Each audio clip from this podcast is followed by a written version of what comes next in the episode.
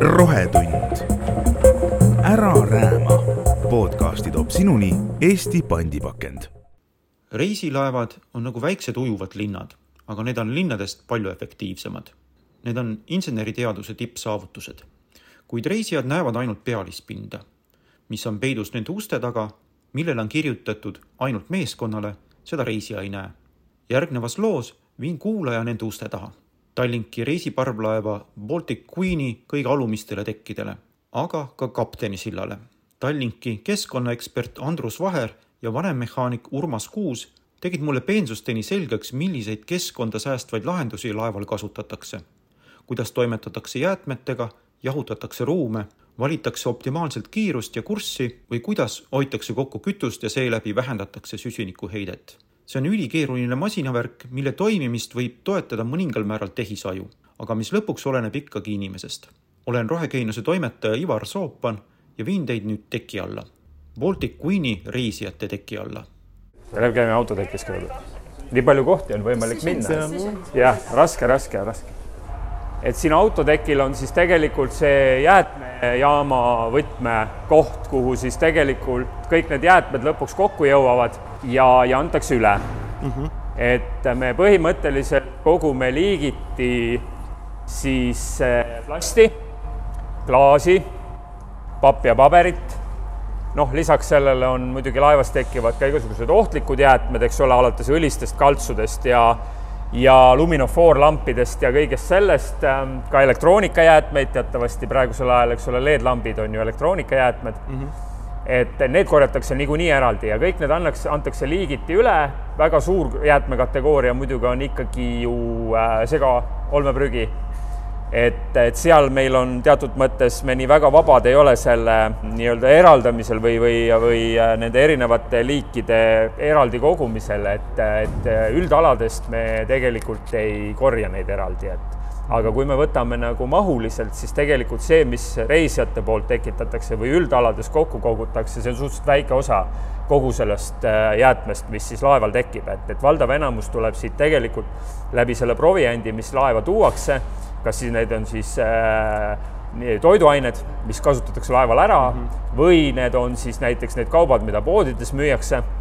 et nende pakkematerjalid, see on valdav, eks ole, et, et kõikvõimalik kile, plast, papp, et need me anname eraldi ära, meil on äh, sadamates partnerid, kes võtavad need siis vastavalt sellele liigile vastu. seal on ka teatud merenduse reeglid, kuidas neid peab üle andma, seal peab dokumente säilitama ja kõik peab ilusti kirja panema, on laevas on olemas selline nagu prügikäitluse plaan, me võime seda pärast vaadata, kuidas siis need äh, jäätmed siin liiguvad, kuidas nad kokku kogutakse, kus need kogumiskohad on, need on täpselt seal paika pandud ja pärast siis kõik see, mis kaldale ära antakse, märgitakse üles prügiraamatusse ehk et siis kõik antakse üle selle kviitungi vastu ja, ja märgitakse need kogused üle, et, et see on meie nagu kohustus seda arvestust ka pidada.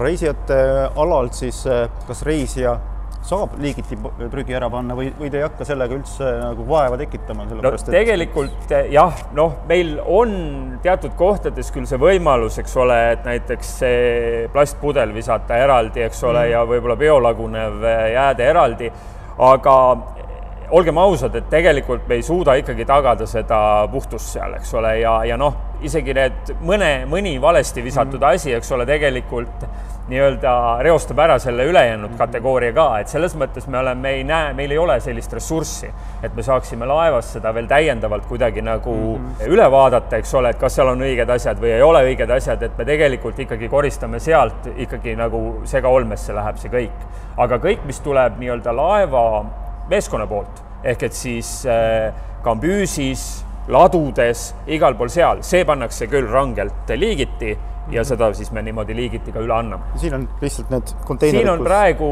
üks konteiner, see on siis see konteiner, millega meil tegelikult korjatakse papipaberit, plasti, klaasi. siit on praegu puudu presskonteiner, mis on viidud tühjendamisele. see on, käib niimoodi, et auto tuleb, võtab ta peale, tühjendab ära, vajadusel peseb, teeb võib-olla mingisuguse väga elementaarse hoolduse ja toob samal päeval veel siia tagasi, ennem kui nüüd laev väljub õhtul kell kuus, siis on see konteiner siin tagasi ja laev läheb uuesti reisi. Palju siin selle ühe reisiga siis seda prügi tekib? Äh, päris palju tekib seda, et tegelikult selle prügikonteineri tühjendamine käib praktiliselt, kas sa, Uku, kui tihti sa tühjendad prügikonteinerit, seda presskonteinerit? pressi praktiliselt, kui palju raha siis iga iga kord, kui Tallinnas käime, üle päeva ja see on viieteist kuubine Jah. see konteiner okei okay., ehk et seda ikkagi, ikkagi tuleb, aga noh, siin on ka, eks ole, me räägime siin ikkagi tuhandetest inimestest pardal, eks, et kas juba räägime tuhandetest?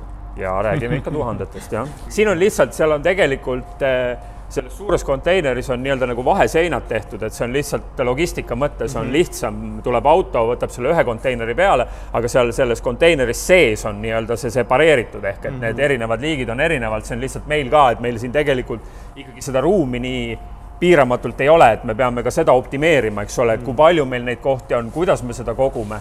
et, et see on meie jaoks ka oluline, et, et sisuliselt see on see ala, kus me saame mängida ja, ja rohkem meil seda tegelikult kuskilt võtta ei ole, et, et siin on juba, siin on juba sõidukid. siis äh, võib-olla huvitav asi, mis on praegu siin autotekil äh, asjakohane, on, et me seisame praegu kaldavoolu peal jah, ehk et ja, ja. siis äh, laevamasinad, abimasinad elektrit ei genereeri, masinad ei tööta ja me võtame kogu pardal tarbitava energia praegu kaldavõrgust.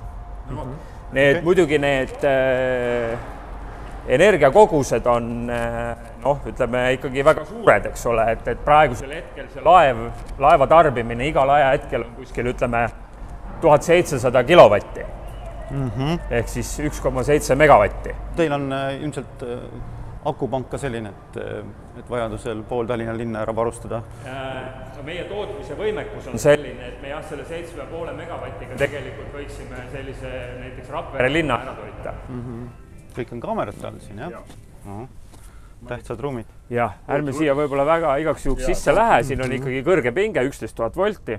aga jälle võib-olla huvitav fakt, eks ole, et tänu sellele, et siin on äh, kõrge pinge, tuleb laeva, me on ära optimeeritud selle kaabli jämedus, eks, et tegelikult äh, tänu sellele voolutugevus väheneb ja me saame suhteliselt sellise noh, nii-öelda opereeritava kaabli, et, et kui me räägime näiteks eh, vanematel laevadel, kellel oli ka kaldavooluvõimekus, ütleme kolm, kuussada üheksakümmend volti nagu valdav enamus tarbijaid on laevas, on ju, siis seal oli tegelikult sarnaseid pistikuid kaksteist, et seda ära toita. see suur kapp jah. Jah. tuli sisse laeva. et see on lihtsalt seesama asi, eks ole, et kui, kui pinge on madal, siis voolutugevus on kõrge ja seal on lihtsalt seda metalli vaja mm. -hmm. et see sealt läbi mahuks, eks piltlikult öeldes, et, et tänu kõrge pingele me saame ikkagi suhteliselt lihtsasti selle, et mul see on on selle kapi pilt olemas, see on vana milline va- varem nägi välja. et Nii seesama palju tarbimine nagu ära täita on, eks ole, oli kaksteist või neli korda kolm, eks jah. muidugi lihtsalt eh, faktitäpsuse huvides ma pean ikkagi ühte asja ütlema, et tegelikult eh, nii-öelda päris emissioonivabad me ikkagi siin eh, sadamas ka ei ole, et, et tegelikult tarbevee jaoks katel töötab ikka ja katel põletab kütust. et mm -hmm. et aga noh, see on ütleme ikkagi suhteliselt väga väike osa sellest, kui, kui, mis oleks siis, kui, kui masinad käiksid, eks mm. -hmm. et praegu meil lihtsalt tehnilist võimekust ei ole, et me saaksime ka katla lülitada kaldavoolu peale. et noh, iseenesest see on, on teostatav, aga, aga praegu meil seda võimekust ei ole. Lähme vaatame ära siis selle merevee jahuti, millega me siis tegelikult huvitav. äh, laevaruume jahutame külma mereveega. et me siis ei pea käitama oma konditsioneere, mis on laevas muidugi ka olemas aga et me saame seda, seda nii-öelda jahedust nagu ära kasutada, et, et samamoodi me tegelikult kasutame ära, meil on olemas utiilkatlad laevas, mis siis äh, kütavad sedasama tarbevett äh, nende heitgaaside soojuse pealt. ehk et kui masinad töötavad, kuumad heitgaasid lähevad korstnasse, siis meil on olemas utiilkatlad, mis, milles olevat vett siis need heitgaasid kütavad.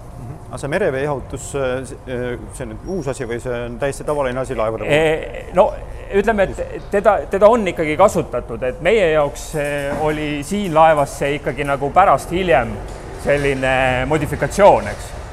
et, et aga põhimõtteliselt need võimalused on olemas, et neid kasutatakse, tegelikult on noh, see ei ole väga uus lahendus, et seda on ennem ka kasutatud, just sellistes suhteliselt külmades vetes on seda mõistlik kasutada. siin on päris mürarikas torude rägastik. selline ongi jah jah, see on soojusvaheti, eks ole, ühelt poolt vesi jahutab, jahutab õhu maha ja, ja aga, aga siin jah, süsteemis ühelt poolt nii-öelda üks see meedium on siis nagu merevesi. no hetkel on see kõige ideaalsem aeg praegu. jah, praegu on kõige parem aeg. ja merega küll, Jah. merega on viis-kuus korda ja ja aga õhk on juba vaata viisteist, kakskümmend. jah, et tegelikult laeval on väga suur, eks ole, pind, mida päike kütab päevad läbi ja seetõttu on üsna varakult tegelikult meie, meie praktika näitab, et aprillis kindlasti on vaja tegelikult juba õhku jahutada, laevas sees olevat õhku. ehk et praegu sellisel kevadisel ajal me saame väga hästi seda ära kasutada. nojah, tõesti merevesi on praegu peaaegu nagu talvel. Palju vahet ei ole. ja lähme siis äkki silda või? noh, praegu me oleme tegelikult, oota, mitmendal tekil me oleme esimesel, esimesel, no me oleme tegelikult allpool merepiiri, veepiiri praegu. ja, aga lähme, lähme üles Ukukule. näita sa teed.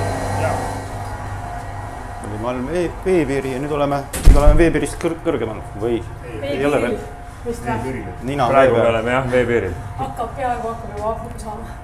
Ja no neid masinaid on, see on väga keerukas, laev on väga keerukas süsteem, eks ole, et siin kõikvõimalikke masinaid on väga palju.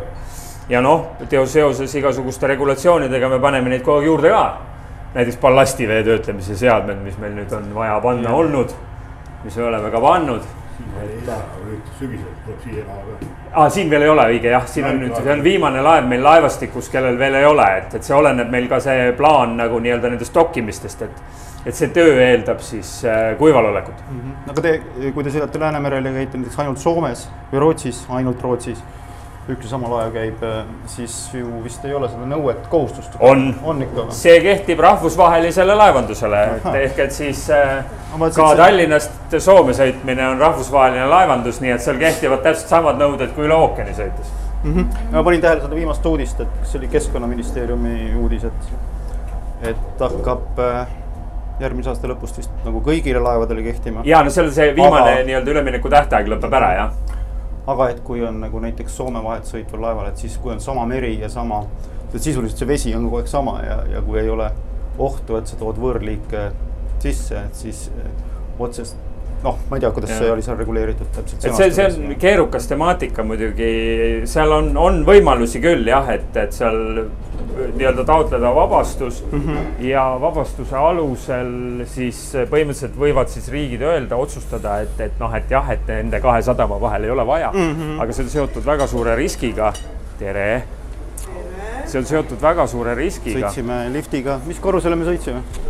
nüüd me oleme kümnendal, see on eh, meeskonna mess. jah, nii, ja kas me oleme nüüd kapteni sillal, jah? nüüd me oleme sillas jah tere. iga poisi unistus. et silla tiivalt me siis saame vaadata, kus see kraana meil on. kraana on seal. vot tegelikult meil on siin kaks kraanat, et meil on siin erineva pikkusega laevad ja lihtsalt lähem kraana ei ulata eh, lühemale või pikemale laevale ja, ja pikk, kaugemal olev kraan ei ulata lühemale laevale. aga seal need kraanad on, et see siis, need aitavad siis hoida seda kaablit, mis siis võetakse laeva Mm -hmm. ja ühendatakse ära. et meil oli juttu tegelikult ka sellest, eks ole, et noh, et me kogu aeg jooksvalt püüame arendada siis ka seda, kuidas meil nii-öelda need sisemised infovahetuse kanalid toimivad, eks ole, ja, ja nüüd alles hiljaaegu me juurutasime sellise aruandluse süsteemi äh, laevades kõigis äh,, kus siis tegelikult selline noh, kõikvõimalik kütusekulu ja, ja, ja nii-öelda selline operatiivne andmestik, et see koguneb elektrooniliselt. selle me siis äh, edastame samamoodi elektrooniliselt ja, ja et see info liikumine on selle võrra palju operatiivsem, et see väldib ka tegelikult igasugust sellist eh, dubleerimist eh, laevapersonali poolt, et kui meil oli tegelikult, et tulevad uued nõuded, nõutakse uusi andmeid, eks ole, et siis noh, tavaliselt kippus see niimoodi olema, et siis seda küsiti ka laevast ja mm, -hmm. aga väga suures osas need andmed tegelikult kattuvad. ehk et siis eh, tegelikult me nägime, et enam ei ole otstarbekas neid andmeid nagu iga kord eraldi küsida, vaid on üks komplekt andmeid, mida siis laev edastab kontorisse ja see, kuidas see andmetöötlemine edasi käib, see on juba nagu järgmine küsimus, eks ole, et see, see lihtsustab ka laeva personali tööd, et, et neid andmeid on tegelikult päris hulka vaja. See detailsuse tase on, on päris kõrge, kas siis seda on meie nii-öelda ettevõtte juhtkonnale vaja või, või seda on ka teatud äh, aruandekohustuse jaoks vaja, et, et tegelikult meil on päris palju selliseid aruandeid, mida me peame esitama nii Euroopa Komisjonile kui rahvusvahelisele merendusorganisatsioonile, noh, lisaks seal on veel mingid siseriiklikud nõuded, eks ole näiteks, äh, näiteks liikmesriikides eraldi, mis tavaliselt on küll üsna sarnased, aga, aga noh, iga liikmesriik küsib nii-öelda oma lipu all sõitva laeva kohta neid andmeid, eks. et see, see andmehulk on päris suur, mida tegelikult on vaja töödelda ja koguda ja kellelegi mingil viisil esi-, esitada, et, et ehk et siis see, see info liikumine on hästi oluline mm. -hmm. et ja, ja, ja noh, nüüd me oleme siis proovinud seda viia natukene sellisele teisele tasandile ehk et siis päris selliseks elektrooniliseks. väga paljud süsteemid tegelikult ju juba seda infot laevas ka sees vahetavad, et nüüd siis meie siis välja töötatud äh, Eh, koostöös partneritega muidugi välja töötatud süsteem võimaldab teatud mõttes ka lugeda neid andmeid juba automaatselt, ehk et siis nagu sellist käsitsi sisestamist ei ole enam vaja, et, et pigem on siin juba rohkem selline kontrolli funktsioon, eks ole, et noh, et ikkagi aeg-ajalt võib juhtuda, et kuskil tuleb mingi viga sisse või mingi, mingid andmed on kuskilt puudu mingil põhjusel. et siis see on nagu see, kus, kus siis meeskond peab nagu ise sekkuma, aga muul juhul on, on suurtes piirides need andmed olemas tegelikult mm -hmm. ja, ja masinad ise oskavad neid lugeda ja siis edastada mm. -hmm. noh, siin jäätmeseadusega seoses on ju noh, te ilmselt teete seda niikuinii, ma arvan, et, et iga pakend peab olema arvestatud ja ära aruandluskorras, et.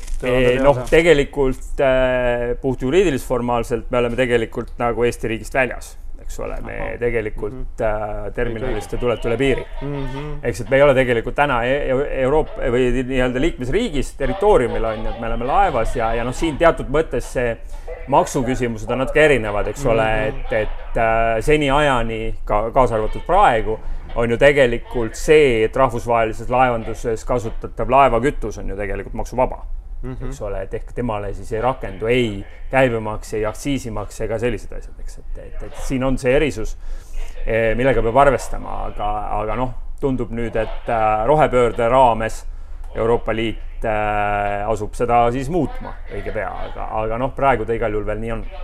et aga jah, nagu ma ütlesin, et tegelikult, et, et rahvusvaheline laevandus on rahvusvaheline laevandus, et see, kas see tehakse nii-öelda nelikümmend neli miili või neli tuhat nelisada miili, siis seal ei ole suurt. jah, vot selle peale ei tulnudki kohe, et, et nii kui sa laeva astud, siis on ju, siin on ju piir ületatud. piir on ületatud jah ja., tegelikult noh, meil Schengenis praegu passikontrolli ei ole, eks ole, aga tegelikult jah, see piiripunkt on terminalis mm. -hmm. ehk et siis terminalis ületatakse nii-öelda riigipiir ja juba siin tuubuses olles ollakse tegelikult Euroopa või liitmisriigist väljas. ja mis on meie igapäevase töö osa, on ju tegelikult see, et otsida neid võimalusi, kuidas siis optimeerida seda energiakasutust laevas, eks nagu ma juba ennem ütlesin, et, et see energiakasutus on väga suur. et need energiahulgad, mida meil on vaja selle laeva käitamiseks rääkimata tema siis liigutamisest ühest sadamast teise, on väga suured. ja kõik need kohad, kus me näeme võimalust natukenegi kokku hoida, need on meile kasulikud. et, äh, et näiteks seesama, et noh, et me vahetame siin, eks ole, valgusteid, näiteks LED valgustite vastu, et see, see maailm on väga kirju ja neid tuleb kogu aeg peale, et et noh, näiteks autotekis, eks ole, meil on vaja valgustada kuus tuhat ruutmeetrit, on ju et, et juba sealt, kui me saame sealt näiteks iga lambi pealt sealt äh, mõned kümned vatid kokkuhoidu on ju, on lõppkokkuvõttes päris suur hulk energiat, mis saab kokku hoida mm. -hmm. et, et, et selles vallas samamoodi töö käib kogu aeg, igapäevaselt ja, ja otsime neid võimalusi, et äh, et samamoodi, et, et ka tehnoloogia areneb päris kiiresti, et et noh, näiteks, eks ole, et omal ajal, kui, kui neid laevu ehitati, siis äh, noh teatud mõttes ka siin laeva peal on see, et eks ole, näiteks pumbad, mis võivad olla väga võimsad, seal võib-olla mitusada kilovatti, eks ju, kolmsada viiskümmend kilovatti näiteks üks pump, eks. et siis äh, nendel oli võimalus põhimõtteliselt, et ta kas töötab või ta ei tööta, eks ole. et nüüd on praegu, eks ole, on näiteks sagedusmuundurid me saame seda pumpa tegelikult koormata täpselt nii palju, kui meil vaja on, on ju, et me saame teda näiteks kümne protsendi peal lasta käia, mhm. kahekümne protsendi peal, on ju. et, et juba see annab näiteks tohutu kokkuhoiu, aga noh, selge on see, et seda nagu võib-olla nüüd inimesel nagu hallata seda kogu süsteemi, näiteks seesama ventilatsiooni ja, ja, ja konditsioneerisüsteem, see on väga keerukas, laev on väga suur, eks ole, neid erinevaid sektsioone on hästi palju noh, tihti on ka reisijatel erinevaid soove, kellel on külm, kellel on palav, eks ole. ja noh, seda kõike juhtida nagu nii-öelda inimesel on, on suhteliselt keeruline. et siin tuleb jälle arvuti appi, eks ole, et arvuti suudab seda nagu manageerida, kogu seda süsteemi, ta teab täpselt, kus on vaja millist klappi kinni panna, kus milline pump peab millise millise võimsusega töötama ja ta suudab seda nagu hallata, et mida inimene noh, paraku ei, ei suuda ja siin tehnoloogia areneb väga kiiresti mm. -hmm. et kõik sellised nagu võimalused me tegelikult kaalume läbi, eks teatud mõttes me peame seda ka testima, võib-olla kõik ei ole sellised lahendused, mida me tahaksime nii-öelda kogu laevastiku peal laiemalt kasutusele võtta, aga noh, siis me oleme kogemuse võrra rikkamad. Aga, aga et väga palju on neid lahendusi, kus me näeme, et see efekt on ikkagi tegelikult päris tuntav ja, ja mida on mõttekas laiendada ka teistele laevadele meie laevastikus, eks ole, et siis, siis see on see, mille, kuidas me nagu töötame, eks. ma saan aru, et siis äh, teil on ka mingil määral on laeva juhtimises siis ka tehisaju või veel ei ole? aga teekonna trajektoori valimisel juba on? no jah, tegelikult noh, ta on ikkagi abimaterjal, eks siin ikka kapten otsustab, kuidas laev, kust sõidab, eks ole jah, aga, aga kindlasti see, see annab oma osa sellele, selle otsuse tegemisele, et see on nagu otsust toetav süsteem, eks mm -hmm. ole, et, et see on see samamoodi, et meil on tegelikult nagu oli ka juttu sellest fleet range'i süsteemist, eks ole, et kus me näeme nagu nii-öelda, et kus meie erinevad laevad on, vähe sellest, mitte ainult meie laevad, vaid ka muud laevad, eks ole, aga noh, kõige rohkem infot me saame ikkagi oma laevadelt et seal on näiteks väga palju kaptenile abiks näiteks see, eks ole, et kui ta hakkab sadamasse jõudma siis ta näeb, et kui seal on näiteks üks meie laev ees, ta saab sealt näiteks ilmaandmed ja sellised, kust suunas tuul on, kui suur tugev tuul on, ta suudab juba nagu ette valmistada ennast mm, -hmm. eks ole, et ta saab väga nagu sellisest eh, objektiivsest allikast selle info nagu võimalikult väike, uue info, eks ole. väike teie enda ilmajaam, mis liigub sama no, mere peal. ega noh, laev mõõdab ju kogu aeg tegelikult seda nii temperatuuri, tuule suunda, tuule kiirust, eks. et kogu see info on nii-öelda nagu online kogu aeg olemas, kuni siis selleni välja, et me tegelikult näeme kaamera pilti siit sillast. eks, et sa näed nagu tegelikult nii-öelda visuaalselt ka seda tegelikku olukorda.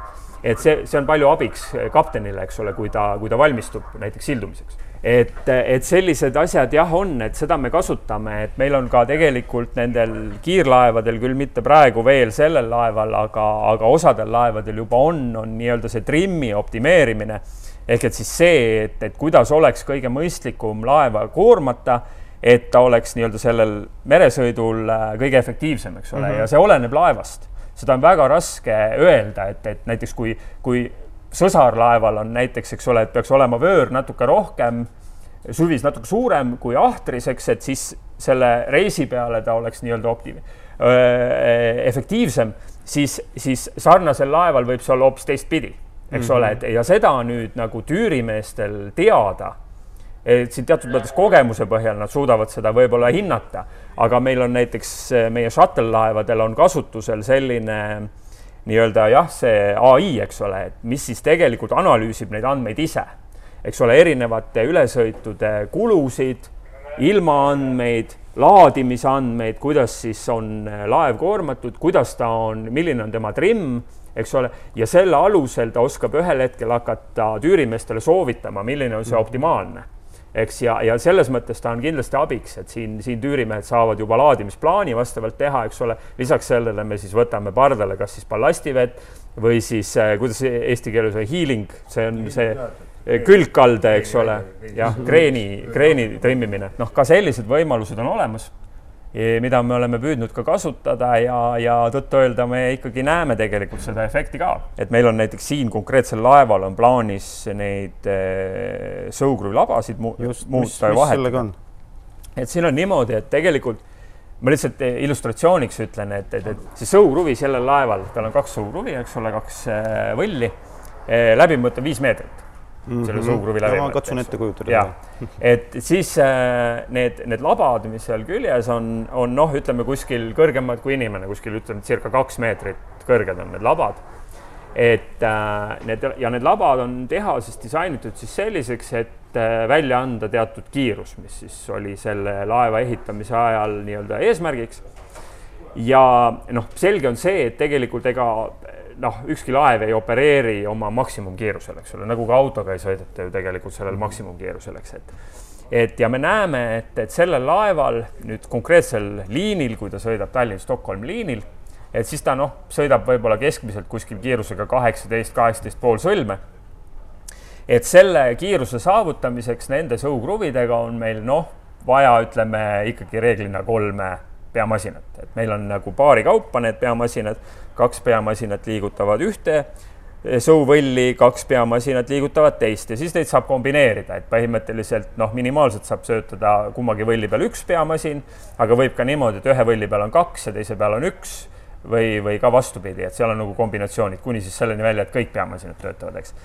et äh, ja me näeme, et, et, et sellel liinil sõites me tegelikult nüüd nende uute labadega saaks, saavutaksime selle olukorra, kus me saaksime igal juhul kahe peamasinaga sõita selle kiirusega ja selle liini läbi et meie jaoks on hästi oluline, eks ole, graafikus püsimine ja, ja see annab meile märkimisväärse kokkuhoiu. selle nii-öelda nagu tagasilöök on siis see, et see, me kannatame selles tippkiiruses ehk et siis seda tippkiirust enam välja ei anna, mis ta seniajani on andnud mm. -hmm. aga noh, olgem ausad, et meil tegelikult ei ole ka seda vaja, sellist tippkiirust. kiiret ei ole kuskil, kallas no, on teisel pool. ja, ja noh, pigem on nüüd juba nagu see, et, et kui optimeeritakse näiteks sedasama graafikut et näiteks väga suurt rolli mängib see, kui me saame näiteks äh, äh, väljuda näiteks viisteist minutit varem ja jõuda sihtsadamasse näiteks viisteist minutit hiljem. see on juba märkimisväärne kokkuhoid mm. -hmm. Et, et selles mõttes ja, et selline, selline idee on ja nüüd sügisel läheb see konkreetne laev, Baltic Queen läheb dokki ja seal siis vahetatakse need, need äh, labad ära. kas see labade vahetus äh, lihtsalt see noh, ma saan aru, et kokkuhoid, aga et kas ka nii-öelda teadus on vahepeal edasi arenenud ja, ja labade ehitus, dünaamikad, kõik on vahepeal nagu, inimesed on targemaks saanud. ja kindlasti, et, et muidugi siin kasutatakse väga palju just sellesama selle nii-öelda selle laba kuju äh, mudeldamisel, eks ole, tegelikult jällegi arvuteid eks ole, et, et seal on võimekus simuleerida erinevaid mm -hmm. olukordi, eks ole, millise kujuga tekib see kõige parem äh, efektiivsus, see kõige parem sünergia on ju, ja selle baasilt siis tegelikult on võimalik, noh, kindlasti on ka töötlemistäpsused paranenud ja kõik need muud asjad, aga, aga et põhimõtteliselt kogu see komplekt kokku tegelikult võimaldab sellist asja, eks, et me mhm. saame nagu väga täpselt selle sättida nüüd konkreetsele liinile, eks et, et, et see on, see on meie puhul jällegi oluline ja see on üks võimalus tegelikult jällegi kütusekulu vähendada, läbi selle emissioone vähendada, eks, mis, mis on tegelikult ju meie, meie eesmärk mm. -hmm. kas see rohenõuded praegu kägistavad teid pigem ja on sellise tuleviku kokkuhoiumuusika või, või, noh, tuleb see aeg lihtsalt üle elada?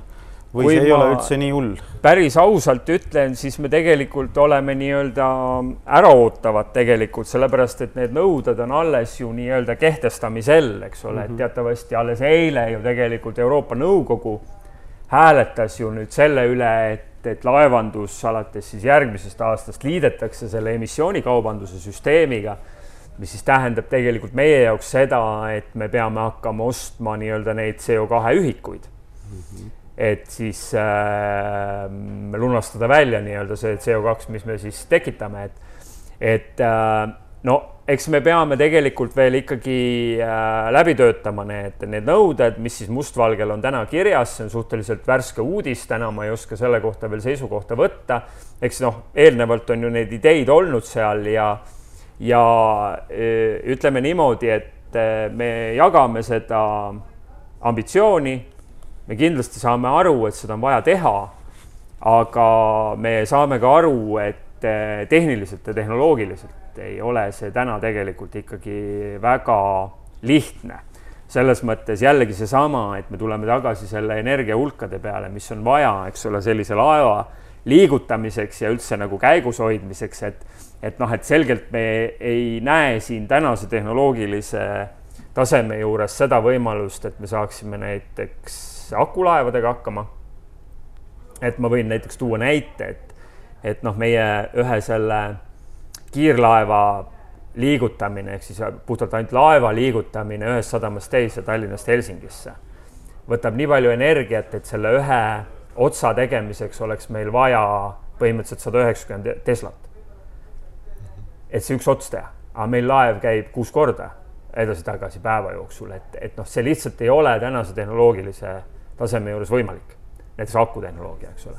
et, et noh, jah, me, me püüame kaasas käia nii palju kui võimalik, eks ole, selle tehnoloogilise arenguga samamoodi, et, et noh, et nagu ma ennem ütlesin, et me igapäevaselt tegelikult otsime neid kohti, kus on võimalik seda kokkuhoidu saavutada, aga noh, me räägime siin võib-olla mõnest protsendist, mitte sellest, mis nüüd on, eks ole, näiteks seesama eesmärk viiskümmend viis, kahe tuhande kolmekümnendaks aastaks on vaja emissioone vähendada, eks ole, viiskümmend viis protsenti.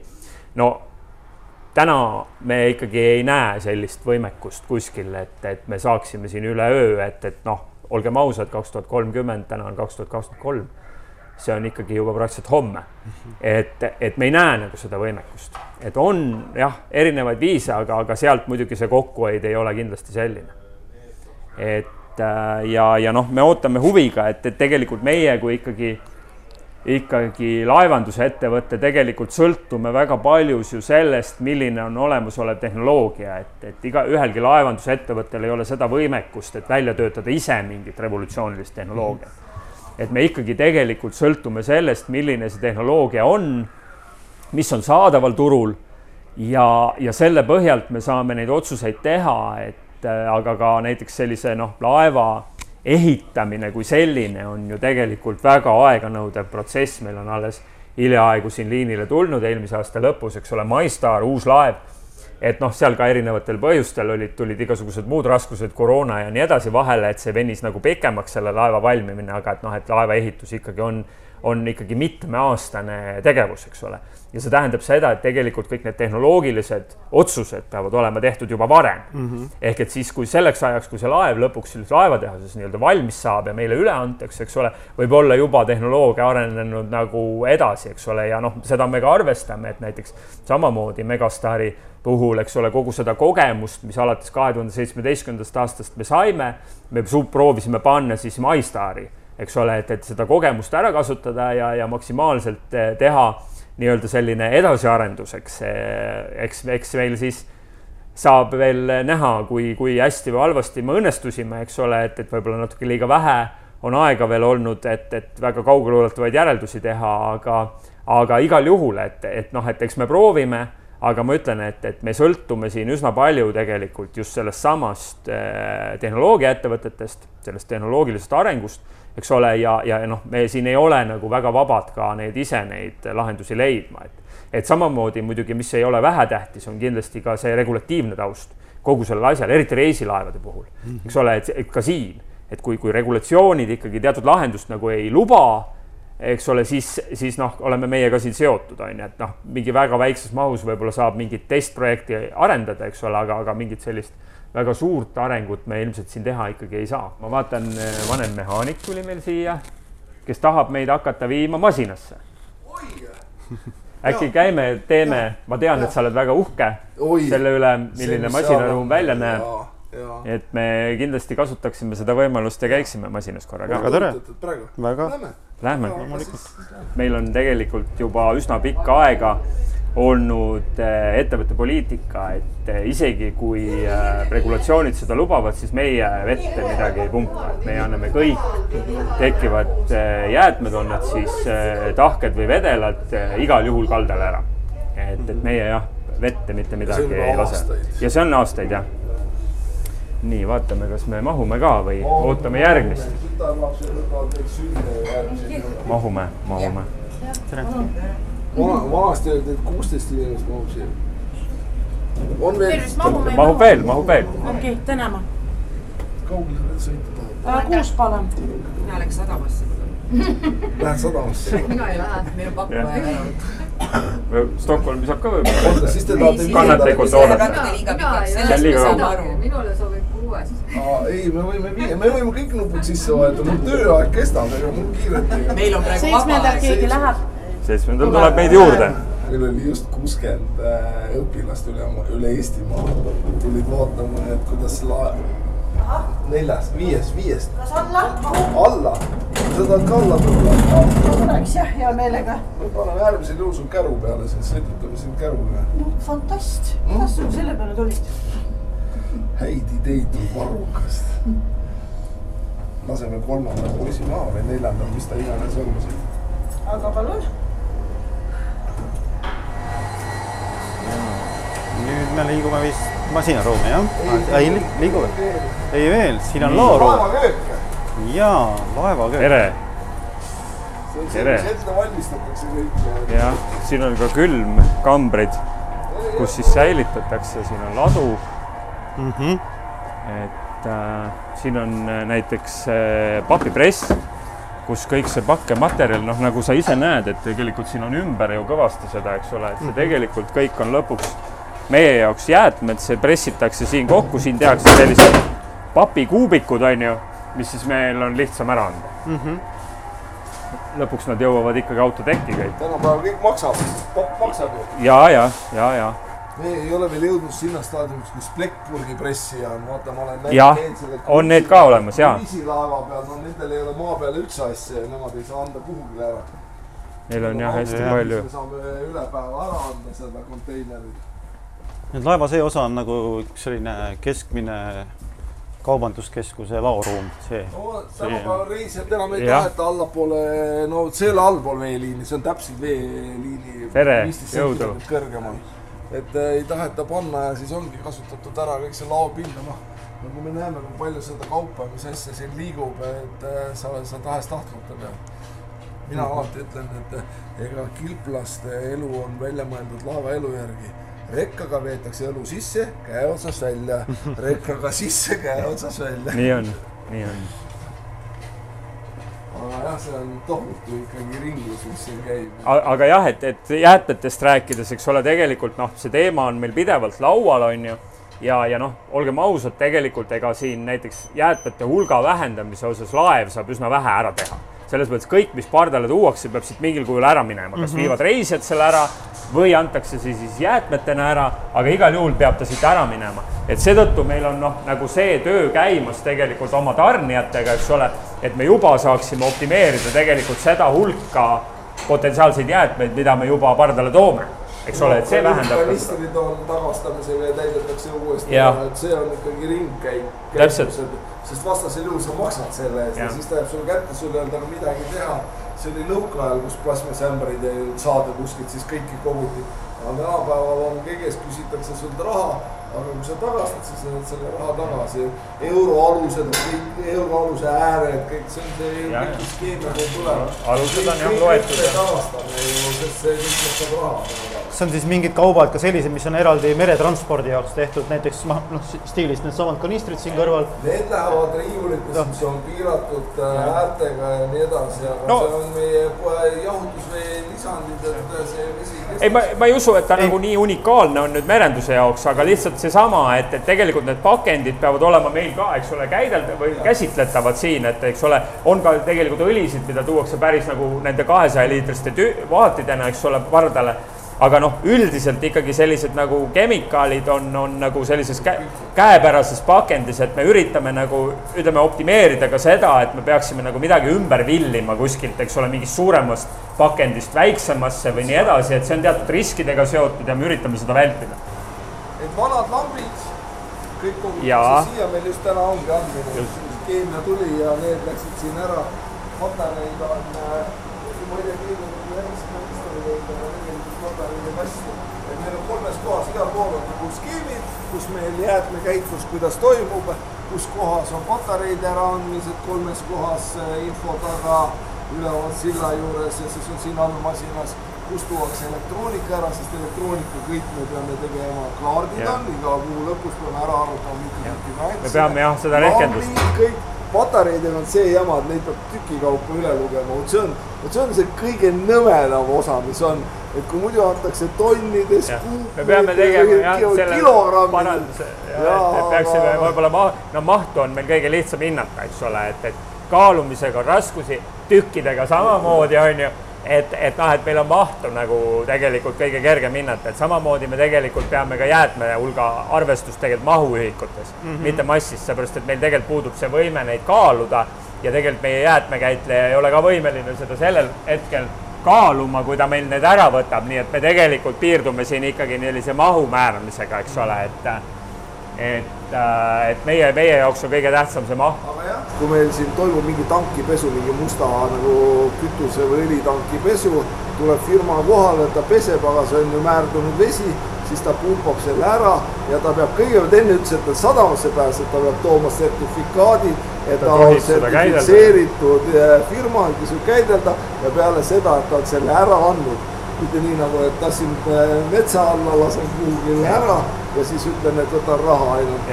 et see on meie jaoks hästi tähtis ja et tegelikult ka need partnerid, kellega ja. me asju ajame, eks ole, et et siin on juba noh, omad regulatsioonid siin, mida sadam lubab ja nii edasi, eks ole, aga aga jah, et me, me väga punktuaalselt jälgime seda, et, et kellega me tegelikult asju ajame, eks ole, ja et see oleks kõik läbipaistev ja, ja, ja korrektne. aga jah, võib-olla töökoda on huvitav koht, mida vaadata et siin on siis äh, laeva töökoda. kuigi nagu äh, töökojas on see, et äh, rahvast on vähe ja nii edasi, et äh, la, laev ise ei ole võimeline kõiki töid tegema, aga kui sa merel oled, siis sul ei ole pääsu. peab tegema. iga keevitus, mida sul ainult mõttesse tuleb, see meil on olemas. treipingid ja nendega osatakse käidelda, aga kui ikkagi tuleb suure masina hooldus siis tuleb ikka kaldabrigaad seal neli kuni kümme inimest tuleb peale. Mm -hmm. Mul olidki õpilased olid siin peal ja rääkisin neile ka sellest, et kakskümmend tuhat tundi on ühe masinamootori välpe. Mm. -hmm. küsisin, et kas te teate, mitu kilomeetrit sa läbida saad selle ühe autoga? Nee.. ja vastust ei tulnud, ma ütlesin, kui te sõidate sada kilomeetrit tunnis, siis kaks miljonit kilomeetrit. Yeah auto tavaliselt mootor ütleb üles kahesaja tuhande tunni. No, no kolmsada tuhat kilomeetrit. Meil kaks miljonit põhimõtteliselt saaks sõita. Ja siis vahetatakse kõik välja. Et, et vaata, see on ju tegelikult kõik see nii-öelda nagu ennetav hooldus on ju, et, et vältida seda, et tekiks mingi tehniline rike, on ju, tehakse teatud välbaga neid hooldusi, näiteks siin on ka näha, vaata, siin on näiteks need poldid ära vahetatud, on ju.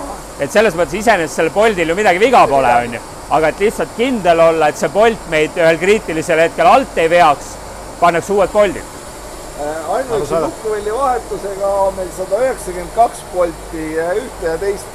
kui sa oled ta ühe korra lahti võtnud, sa enam teda tagasi sama polti enam tagasi panna ei tohi. Needsamad kõik need, need mm -hmm. ongi see nukkvälli poldid on ja sul ei ole mitte midagi teha, aga noh, ju siis maailma praktika näitab ära, et kui ta on peal olnud mingi tööaja tunde siis see metallikonstruktsioon enam ei pea vastu ja need koormused on ju meeletud. koormused on tohutult suured. kui me ütleme niimoodi, et äh, Wärtsilä Vaasa mootor, mis on meil elektrit toodab praegu, diiselgeneraator, see oli kunagi, mina töötasin laeva peal, no mingi kolmkümmend aastat tagasi oma algusaegadel, siis oli nelisada kilovatti oli kuuesilindrine. Praegune viimane mudel on kolm tuhat kilovatti neljasajast kolm, kuigi meil on veel äh, kaks tuhat nelisada, meil on veel see eelmine mudel, aga uuem on juba kolm tuhat. kõik gabariidid on samad, aga sinna sisse on topitud seda võimsust nii palju. ma ei tea, kuidas need hobused mahuvad sinna silindrisse, aga just see, need ongi need tingimused, miks sa pead välja vahetama need detailid. kui sa seda ei tee, no murdub lihtsalt sul ära. Regina Baltica võtsime üle venelaste käes, oli enne seda. See oli, ma ei tea, Vikingi või kelle laev oli venelased rentisid seda, sõitsid seal Piiteri Saksamaa vahet ja meie S-Line ostis selle vist ära. ja tead, ja pihusti pikkpoldid hakkasid murduma järjest, vaatad jälle, kurat, jälle mingi viga on. Ja, ja siis mõtlesime, mis asi see on ja siis tellisime uusi tagavaraks. vaatame, et on täitsa kaks erinevat asja. Ja siis selgub, et venelased olid tavaliselt äh, terasest äh, raudlatist.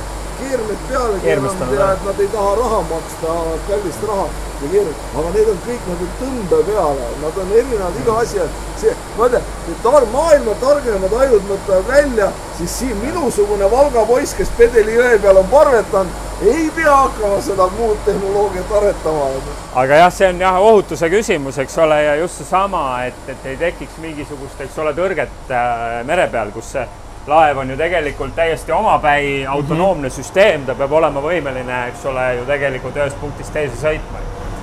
no siin ongi need, see on see kõige-kõige uuem mudel, mis neil on, need on meil peamasinad, mis meil laeva liigutavad ja siis see on see, mis toodab elektrit, see on nagu vanem mudel. Neid on siis äh, neli tükki, kaheksa tuhat kilovatti igaüks mm.. ma räägin ikka hobustest, kümme tuhat, kümme tuhat hobust, kuigi no, täna poisid, lapsed arvutasid ära kümme tuhat seitsesada. see ei ole nii ümmargune jah, aga, aga aga ega see hobujõud ei ole ka päris see hobujõud. ei ole, ei ole ja hobusel on vist natuke rohkem kui üks hobujõud. Kas teeme alt tiiru läbi või? no teeme. no teeme alt tiiru. nüüd me oleme siis jah, peamasinad. mis liigutavad laeva, põll läheb kahel poolt, kaks sõukruvi on meil taga. ja igaüks ongi kaheksa tuhat kilovatti. Need on kõik kunagi mõeldud äh, allveelaevadele veekujulised, sellepärast vastasel juhul meil oleks tunduvalt lihtsam teha kahetaktilised mootorid, mis oleks viiekordse maja kõrgune aga selleks, et saada siia reisijaid ja autosid, siis äh, ongi välja mõeldud sellised äh, veekujulised mootorid, mis on väga võimsad. aga seda võimsust me ei saa kohe sõukruvile üle kanda, siis läbi reduktori ja lähebki see. et lähme. siin on päris äh, soe ka, et siin on Ja- katlad kütavad nii, et vähe ei ole. kaks katlamaja see on kaks katlat. Kui laevas kõike soojendatakse, soojendatakse kütust, õli, vett ja kui keegi arvab, et tal kajutisse tuleb külm õhk, siis on puhas vale jutt. kajutisse tuleb soe õhk, isegi suvel kolmkümmend kraadi väljas olles.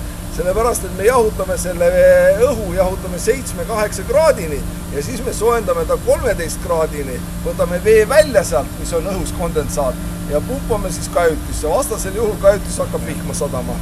Ja vot see ongi see, et need on aurukatlad meil. ja eks ole, sõidus minnes me ennem rääkisime, teil on, eks ole, utiilkatlad ka et neid saab sõidus sõites äh, kasutada mitte. kütust kulutada siis on ikkagi tänapäeval, et saada kätte nendest masinatest rohkem kui äh, viiskümmend protsenti kasutegurit, see on diislites tänapäeval on vist jõutud viiekümne seitsme või juba isegi Päris kõrgele, jah, jah. ja need ongi tänu nendele, et kasutatakse utiilkatlaid, kasutatakse jääksoojust, me toodame magedat vett, sest jahutusvesi, mis masinatesse, me ise toodame selle mereveest, et meil on magestid, et meil on niivõrd väikesed magestid, näiteks suured kruiisilaevad, joogivee joogivee ka. ka, aga siis on soolasid vaja lisada et meie nagu, meil ei ole seda võimsust, kapatsiteeti ei ole, et need on väike, väike magesti meil. aga jah, kõik katlavesi, sest see katlavesi ei tule maa pealt mitte kunagi puhas see mitte puhas ei tule, vaid seal on need lisandid. no igasugused mineraalid ja asjad on sees, mida meil tegelikult katlavees ei ole vaja ju Jaa, või ja mida me tahame välja võtta sealt. Ja siis ongi, et me toodame oma destillaadi ise ja saame kasutada seda ja see on kõik tänu sellele, et masinate soojus. aga no need on, eks ole, väljalaske torud on ju. noh, siin on küll nüüd praegu natuke soo-, isolatsiooni ka ümber, eks ole, aga, aga põhimõtteliselt noh, nad on ikkagi muljetavaldavad. Et siit seda kuuma tuleb nii-öelda kõvasti välja sellest masinast. kõik masinad on ju üheksakümmend kraadi, sellepärast et see jahutusvesi, et mitte soojust ära ka- kaotada, siis hoitakse maksimum kõrgel tasemel see soojus ja see jahutusvesi on sõidu ajal on üheksakümmend seitse, üheksakümmend kuus kraadi. no seisu ajal ta me langetame üheksakümneni, aga ta on kogu aeg soe. ja nendel nii suurtel masinatel on see probleem, kui nad täiesti maha jahtuvad, siis nad ei, ole see, ja lekkima hakkavad ja nende käimapanemine ei ole sugugi nii lihtne. no tavaliselt äh, kaubalaeval oli miinimum neli tundi jah, et siis sa pead. Sa hakkasid neid soojendama ja- masinat soojendama ja ega see mass pane oma jahi. et tunda on, kuidas masin õhkab. Õhkab sooja, jah. seda kuumust ikkagi, ma ütlen, see üheksakümmend kraadi, et äh, meil on äh, viieminutiline ettevalmistus masinatel. Et äh, siin, kui äh, tormide ajal või nii edasi, siis on kogu aeg masin on valmis käivitamiseks, et kui on vaja hakata liikuma ära sellepärast ongi, et reisilaev ainult on dokis, kus äh, jahutatakse need masinad maha, et muidu muudel aegadel on kogu aeg soojas. masina eluea jaoks ka kasulik, kui ta on kogu aeg Kindlasti. ü- ühes samas Muidugi. muidugi. mina kutsun seda vanaema koorelahutajaks. See on äh, peamasinate õliseparaator, kuna me töötame ikkagi raskete kütustega, kuigi väävlisisaldus on null koma üks, aga ikkagi, siis peab olema kakskümmend neli seitse peab õli puhastama. meil on kaheksa tuhat liitrit õli on siin sees ja teda vahetatakse väga harva, aga puhastama, nii kui sa ei ole kakskümmend neli tundi puhastanud, nii sa pead äh, kiirendama seda automaattulistamist, ta töötab täitsa automaatselt, iga väiksemgi osake, mis on, tulistab välja, kogub tanki ja siis me anname selle kalda peale ära. aga jah, õli siit kogu aeg me puhastame ja see ongi siis Alfa Lavalli mõeldud, kunagi mõeldud koore ja piima jaoks, tänapäeval on õli jaoks. hea on käia masinaruumis, kus on vaikus. No jah, et- luksusmehaanikutel, et sul ei tööta generaator ega midagi, et me oleme kaldavoolu peal, see on selline väärtus, et äh, alguses esimesed korrad ikka väiksed õhulekked kuskilt tulevad, et kuuled sisiseb ja siis hakkasid neid likvideerima, et see on äh, kaua meil nüüd need luksused on, kolm aastat vist? ja umbes niimoodi jah, jah, jah, eks siin jõudumööda veel sadamad ka ikkagi arenevad, aga, aga jah, et meil siin Tallinnas ja, ja Stockholmis on juba, Stockholmis esimesena, eks ole, Tallinnas natukese aja pärast, aga, aga nüüd on juba üsna mitu aastat ja aeg läheb kiiresti. Kuule, kas me võime abimasina ruumis ka käia ära? näed, siinsamas. just siin on küll praegu ettevaatlikult, meil toimub äh, ühe abimasina hooldus, et võitegi vaadata, mis see karturis toimub, et lähme siis vaatame sinna. et need on siis generaatorid? jaa, need ehk toodavad siis see on masin, mis ajab seda generaatorit ringi ja toodab elektrit? vanasti olid tahvid toodavad elektrit äh, loomaaias, eks ju et me peame, Estlingi kaabel pidi olema, mis ta on, selline, sellise diameetriga, kuskil mingi kakskümmend sentimeetrit on diameeter.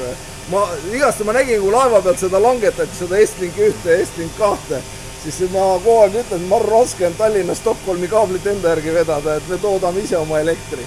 aga tarbimine on kuskil ühe väikse linnakese tarbimine on meie laev, et ainuüksi elekter. me ei räägi seda laeva liigutamisest, me räägime kunagi, kui see laev liinile tuli, me tarbisime kaks tuhat seitsesada kilovatti äh, tunnis.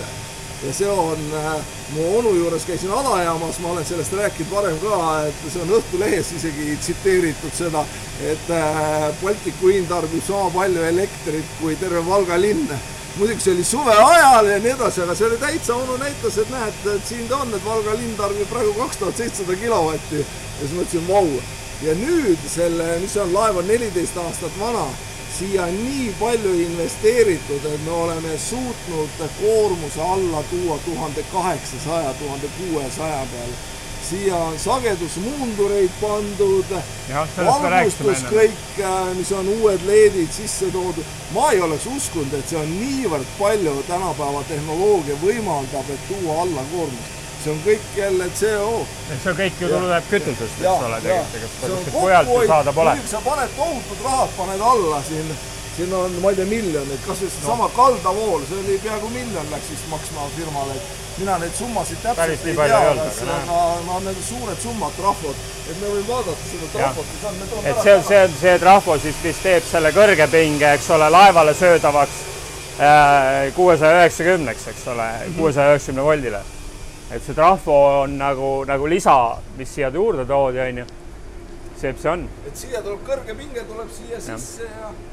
aga jah, no vot sellised äh, modifikatsioonid on muidugi väga suured tööd, eks ole, selles mõttes, et selle siia masinaruumi saamine on tükk tegemist, torude mahavõtmine, kaablid rasside eemal. lõigati auk autotekki sisse, lõigati lihtsalt auk sisse ja sealt lasti sisse sisse, pärast siis remonditi kõik ära laevaehitustel on aukude sisse lõikamine kõige väiksem asi. no seda ikka tuleb aeg-ajalt ette, jah. see, see on nagu keevitajad keevitavad kõik kinni. on ka ju külje sisse auke ja, lõigatud, eks ole. ja masinad on välja võetud külje pealt, et kuidas ja, sa muidu seda jätta no ja vahel tulevad külje sisse augud ka tahtmatult. jah, vot selliseid olukordi soo-, oleks võimalusel vältida vaja aga jah, need on nüüd siis need generaatorid ise, eks ole, mis siis seda elektrit teevad. see on see, mida me nüüd siin toimetame ja teeme, et me võime siia vahelt läbi pressida, siis me mahume küll, et, et kui tahad kartuli sees pilti teha. et mis mootori sees on? ma ei tea, kas kaamera sinna alla näitab, aga all on äh, selle masina puhastus. see on töötanud nüüd kakskümmend neli tuhat tundi ja peale seda kõik liikuvad osakesed lähevad välja vahetamisse et see on just see, nagu me ütlesime, et ta on oma ettenähtud aja ära töötanud ja nüüd on äh, kõik detailid tulevad uued ja ta töötab järgmised kakskümmend neli tuhat, et see masin on juba töötanud seitsekümmend kaks tuhat tundi. et äh, nagu ma siin enne rääkisin, et peamasin on kakskümmend tuhat tundi ja see on kaks äh,, kaks miljonit kilomeetrit autoga sõita, siis see oleks nagu veel rohkem, et see oleks nagu äh, seitse miljonit kilomeetrit juba läbi sõitnud, aga jah, korpuseid ei vahetata kunagi, sest on, nad ei puutu nagu, kulumist ei ole, aga kõik liikuvad detailid lähevad vahetusse hooldamisse aga no mis on kõige võib-olla noh, ilmekam ongi siin laevas on just needsamad need gabariidid, eks ole, et kõik on nagu tegelikult tohutu suured. ja olgem ausad, et me oleme väga väikesed laev, me oleme väga väike laev. on äh, mootorid, kus sa saad äh, kahekesi sisse minna. inimene läheb sisse. bajaani, tantsida valssi seal, need on need meeter kaks diameeter, mis on ülsi diameeter. volditeadus, aga see on ka maksimum, loetakse üks meeter, et suuremat ei ole mõtet enam teha, et efektiivsus kaob ära. aga seal on pihus tekib juba suurem hulk. tehnoloogia on meeletu, mis areng toimub, tänapäeva tehnoloogia. aga no ega laev nii väga väike ei ole ikka, kakssada kaksteist meetrit pikk on Jaa. ikka päris tükk maad ühest laeva otsast teise kõndida. on siis süda või? jah, Te näete praegu jäämäe pealset tippu ainult, meil on siin kakskümmend üks sektsiooni on ja ütleme, üle poolte nendest on ikka tehnikat täis.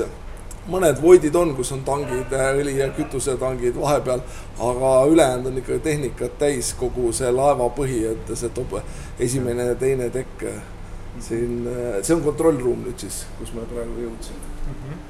Ja siit see juhtimine siis toimubki kogu selle laeva opereerimine, aga ainuke, mida meie siin ei tee, käiku ei anna. et tähendab, me ei näe, kuhu. ja ei keera ka. ja me ei keera ka kuhugile, kuigi meil on kaamerad olemas, me saame igale poole vaadata ja nii edasi, aga me nagu öeldakse, ette ei saa näha ja me ei tea, kuhu kiiresti peab minema ja selleks on väga väärtuslikud tüürimehed, kes seal üleval sillas juba teavad, kapten on andnud neile kursi kätte, kus minna ja et äh, selline ta on, et siin äh, see on siis see niinimetatud käigukang labadele, kui meil äh, laba on praegu, ma panen selle ära jah, et see võib-olla on huvitav fakt, eks ole, kuidas laev käiku muudab, eks. et meil on pööratava labadega sõukruvi ja kui on otse, siis ta lõikab, käik on null ja nii kui ma siit kangi annan, ühe kangi all on mul kuusteist tuhat kilovatti ehk kuskil kakskümmend tuhat pluss hobust ja siis nii kui natuke edasi hakkad liikuma, nii ta läheb, et ja siis, kui küsitakse, et miks Maria Hammis raputab hästi palju, siis ma alati ütlenud, et proovige panna hobust haiste vahele, hobune tagurpidi minna ei taha. ja paneme nüüd nelikümmend tuhat hobust tagurpidi liikuma, no siis hakkab raputama. et sõukruvi ei ole võimalik projekteerida edaspidi veoks ja tagurpidi samamoodi, et ta on alati efektiivsem äh, ühes ikkagi suunas. edaspidi jah, reeglina. Minu meelest, kui ma käisin äh, seal Turbas on see motomuuseum mm -hmm. ja seal see omanik, kes seal rääkis, ütles, et küsis küsimuse, et kes on Eesti kõige rohkem, milles on võidetud maailmameistrivõistluste tiitleid ja on need äh, paadisõidud, need Ja, ja. rallid ja need Ja, on kiir- ja kiir- kiir, kiirpaadi võistlusest ja, ja seal on küsimus sellest, et paati sa võid müüa, aga see sõukruvi sealt tagant keeratakse alati ära, see, kes see võistleja on. Ja isegi ta rääkis seda, et see maailmameistri sõukruvi on proovitud 3D-ga teha mm. ja ei tööta täpselt samamoodi, sama kiiruseid ei anna. no ma ei tea, nii vähemalt räägitakse, kui palju see tõele vastab, aga noh, loomulikult, et sõukruvi tehnoloogia on väga raske. meilgi siin tuleb nüüd paigaldatakse sõukruvi, et jälle efektiivsem, jälle kütust kokku hoida, et ma ütlen, et tohutult investeeritakse just sellesse tulevikku, selle roheenergiasse, et aga jah, see on, see on oluline teave võib-olla, et, et eks ole, et sellega tegelikult muudetakse siis nende labade nurka, eks ole, seda sammu nii-öelda, et kui palju ta vees ennast edasi lõikab, eks, et, et just, et, et samad, et nii suured mootorid on äh, väga suure inertsiga, on ju, ja nad ei suuda neid pöördeid niimoodi muuta väga kiiresti üles-alla, eks ole, et siis pigem on nagu pöörded ühesugused ja seda kiirust siis reguleeritakse nende labade nurkadega, eks, et, et, et see on nagu see mõte ehk et äh, aga no ma ütlen, et äh, siin on samamoodi, et kui sul kiirused, sa täiskäigule tuled ja võtad hoo maha, isegi siis see laev hakkab vibreerima sellest, et noh, ma ütlen, see veetakistus. Inerts on nii tohutu suur, kui ta läheb, eks ole, et äh, sellised asjad, kui sa koha peal ei ole, sa ei tea, mis on põhjus, siis sa ei saagi aru, miks toimub. see, mida sa näed, mis siin toimub, see ei ole ainult restoranid ja poed, kauplused, et see on ikkagi mõnevõrra rohkem, jah. Ma mäletan äh, seda minu väga hea sõber, kes on küll kahjuks lahkunud, Valli Lember-Pogatkina akvarellikunstnik ja kui ta sattus mul masinasse ja ma tegin talle ekskursiooni, siis ta oli vaimustuses, ütles, ma tahaks maalida seda kõik seda sürrealismi, see on nii äge, see on nii võimas. et noh, et kuidas inimeste nagu emotsioonid tulevad välja sellistes kohtades, mis sinu jaoks on see täitsa tavaline, üllatav aga saad sa, Urmas, näidata, palju meil praegu see tarbimine on siin ah,? siin on näha tegelikult, siin on näha ja no praegu on väga vähe ju, näed tuhat kolmsada, jaa, see on tuhat kolmsada, jah. seisuajal on see tänu. praegu hetketarbimine, eks ole, tuhat kolmsada kilovatti. Ja põhjus on ka see, et äh, nagu minu külmutusseadmete mehaanik ütleb ikkagi, et täna väga hea külmutusseadme mehaaniku päev. temperatuur on seitse kraadi, sa ei pea mitte midagi kütma, sa ei pea mitte midagi jahutama. sest kui sul on juba temperatuur läheb seal kolmeteist, viieteist kraadini väljas, siis see päike kuumutab korpuse juba miinimum kolmekümne. see jahutamine on meie jaoks probleem, eks ole, kütmine niivõrd ei ole, aga, aga jahutamine pigem on probleem. kuna ma olen nende laeval, selle laeva Baltic Queen'i ja Galaxy ehituse juures päris algusest peale olnud ja ma mäletan, kui maaliti Galaxy'le kaelkirjakuid ja pingviine peale ja, ja väljas oli miinus kümme kraadi, aga sul peab korpuse temperatuur olema miinimum pluss kuusteist oli seal ja, ja kuidas sa saad seda suurt korpust sellise, siis keerati laeva külg, keerati päikese poole ja kella üheks päeval oli korpus Sobi. oli juba kakskümmend kraadi, et kuigi noh, õhk oli miinus kümme, aga see päike niivõrd meeletult seda metalli see kuumutab, sellepärast ongi, et meil konditsioneerid ikkagi suvel on väga pikalt tööl, et see, et jälle kliimatingimused korras olla. aga isegi selle me mõtlesime siin süsteemi pandi, et merevesi, mis on jahu. ja me käisime seda, Uku näitas seda juba meile. ja üksteist kraadi kuskil on, et siis me saame kasutada sedasama merevett, et jahutada, panime tohutult suure jahuti hakati kutsuma seda Alaska kuuleriks, kuigi see on samasugune jahuti nagu iga teine, aga, aga järjekordselt me oleme saanud tänu sellele kaks kuud vähendada kompressori tööd, mis on nelisada kilovatti. see on sellepärast, et me oleme, laev ehitatakse kõikidele maailma meredele sõitmiseks. aga siin Balti meres on teised tingimused ja siin me saame kasutada neid nüansse, kus me saame kokku hoida. kasvõi sama need pumbad, kus me panime sagedusmuundurid, panime peale, meil ei ole seda võimsust vaja siin Balti meres, sest see vesi on jahe kui me läheksime Austraaliasse nagu omal ajal Sille Euroopa käis seal, kus mere, kus ookeani vesi oli kolmkümmend neli kraadi, siis on see, et seal oli mitte üks pump ei pidanud töötama, vaid seal pidi kaks pumpa täisvõimsusega töötama ja siis oli ka, kõik oli väga piiri peal, et see oli üks selliseid, seal on ikka väga raske seda süsteemi üleval hoida, et ja pigem noh, just seesama, see jahutamine ongi tegelikult probleem, et me näeme ise ka seda tegelikult, et kus hakkab suhteliselt soe aeg pihta, eks me rääkisime sellest varem ka, et tegelikult juba aprillis on seda näha, kuidas tegelikult hakkab jahutuse peale juba energiat minema, me näeme seda tegelikult ka tulemust, me näeme seda kütusekulud ja noh, sügisel on ju see, et kajutite soojendus, me laseme igasse kajutisse ühe kindla temperatuuri, kakskümmend üks kraadi ja on inimesi, kes tahavad soojemat, kakskümmend neli, kakskümmend viis. Ja seda keerab termostaadist, seal on elektrisoojendaja, mis läheb sisse. Ja nüüd ongi, et kui me suudame seda temperatuuri leida, mis on kõigile sobilik, siin seadmed, meil on koja arvutid, kus me oleme selle ära seadistanud, kutsusime jälle firmad kohale, kes analüüsisid, tegid oma graafikud, mis on kõige mugavam. Ja järjekordselt me hoidsime energiat kokku, et see protsess ei lõpe mitte kunagi ära, et alati leidub keegi tark inimene, kes ütleb, et ma veel tean, kus kokku hoida annab ja seda tehakse, sest tänapäeva kütusehinnad, mis siin vahepeal toimus, oli ikka päris hull kui siin just meie peadirektor ütles, et ainuüksi eelmise aastaga ma ei tea, mitu miljonit meil läks rohkem kütuse peale, siis me peame leidma neid võimalusi, kuidas vähendada.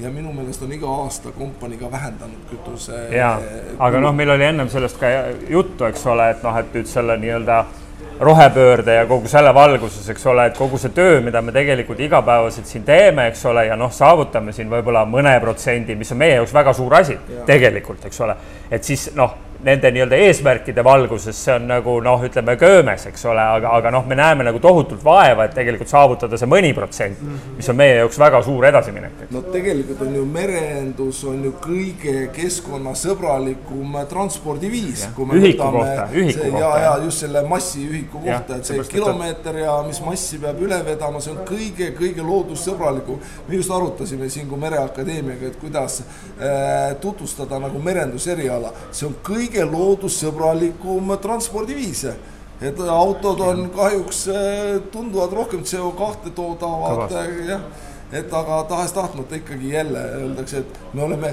üks, väga kontsentreeritud ja toodame palju. Ja siin et, on see koht, kus otsitakse. et noh, neid fakte ju tegelikult on ka Rahvusvaheline Merendusorganisatsioon ju nii-öelda püüdnud propageerida, eks ole, et tegelikult kuskil noh, kaheksakümmend, kaheksakümmend viis protsenti kogu maailma kaubandusest käib laevadega, eks ole ja, ja kogu maa, ülemaailmse laevanduse osakaal siis sellest inimtekkelisest eh, CO2 heitmest on tegelikult kuskil circa kolm protsenti, eks. noh, seda tegelikult ei ole palju, ütleme niimoodi, kui me arvestame seda mahtu, eks, et, et noh, see on selge, et, et kõik valdkonnad peavad oma panuse andma kliima soojenemise pidurdamisesse, on ju see ja see on arusaadav ja me oleme sellega täiesti päri aga, aga noh, kui me arvestame, eks ole, ikkagi seda konteksti ka, et, et ka seda peaks tegelikult nagu vaatama, eks mm. -hmm. et, et jah me peame ikkagi energiat kulutama, et liigutada seda laeva no, punktist A punkti B paraku. ja energiajäävuse seadus ei ole mitte kuhugile kadunud, et me kõik tahame luksuseid ja mugavusi saada, see ka kõik maksab. nüüd on puhtalt ainult selle, et kui palju meie tänapäeva tehnoloogia järgi tuleb, et me suudaksime vähendada seda oma jalajälge, mis me loodusele anname, et see on nagu see, mille üle me võitleme, aga lõppkokkuvõttes ikkagi me peame selle suure kahesaja meetrise laeva viima ühest punktist äh, teise punkti. ja sekundeerides sulle, eks ole, ja selle tegevuse jaoks on meil vaja teatud kindel kogus energiat kuidagi mingil kujul kaasa võtta, et seda siis võimaldada, seda liikumist ühest punktist teise, eks ole, ja, ja noh, paraku vot nüüd selle energia kaasavõtmisega, kui öeldakse, et eks ole, fossiilsed kütused on äh, kurjast, siis äh, vot nüüd alternatiividega on meil natuke raskusi et no, et kus me võtame see kolmkümmend kuus tuhat kilovatti energiat, et saada võrdväärselt nendele peamasinatele, pluss lisaks paneme dünamod, mis meil toodavad elektrit, kuigi me tarbime teda vähe, aga seal on no, tagavara peab olema kogu ikkagi, aeg. et äh, see sinna juurde, siis kuskilt tuleb kolmkümmend viis tuhat kilovatti, mida me tarbime mitte kogu aeg, ainult aga kui ikkagi jääs rasketel ilmastikutingimustes no,, siis, siis on, kõik masinad on äh, töös tavatingimustes meil on ainult kaks masinat, jälle me oleme optimeerinud, me oleme leidnud kõige mugav, kõige ökonoomsema käigu, mis on, et need ajad on ju läbi aegade muutunud kogu ja, aeg täpselt, just, et. täpselt, see graafik on ju muutunud. tuleme ja otsitud on just seda, et kus see miili läbimine ja kütusekulu on kõige efektiivsem. loomulikult me võime võib-olla sõita seal autoga neljakümnega, aga siis ma jõuan võib-olla ülehomme kohale, et kui mul on vaja täna jõuda, siis ma pean selle käiku andma, siis ma pean seda energiat kulutama. Aga siin ongi, et saada liinilaevale optimaalne aeg, et kus inimestel oleks aega maa peal rahulikult käia, laevas ja nautida kõike, siis ongi otsitud seda viisteist minutit isegi mõjutab kütusekulu juba. väga palju, väga palju jah. Täiesti et siin alles oli hiljuti küsimus, et äh, näed, Baltic Queen on jälle vähendanud äh, kütusekulu, kontoris arutatakse kogu aeg, analüüsitakse neid, meil on äh, analüüsigrupp on seal. Ja mida te teinud oleme?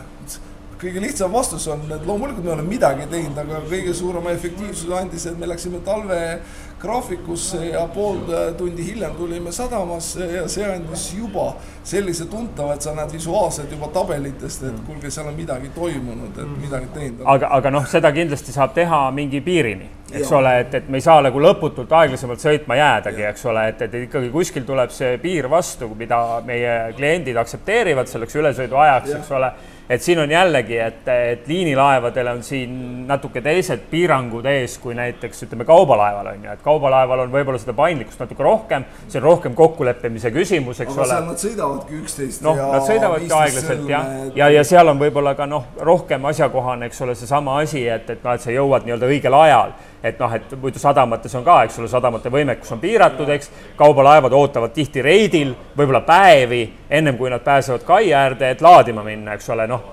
reisilaevadel ja liinilaevadel on see natuke teistmoodi, meil on graafik, meil on kokku lepitud, see kell me tuleme, see kell on see kai olemas, me saame sinna minna, eks ole. aga just seesama, et see optimumi leidmine, eks ole, et noh, et nagu sa ütlesid, on ju, et, et see kompromiss, et me näiteks, et natukene teeme seda seda graafikut selliseks, et me saame natuke kauem sõita, eks ole, see annab meile suure efekti.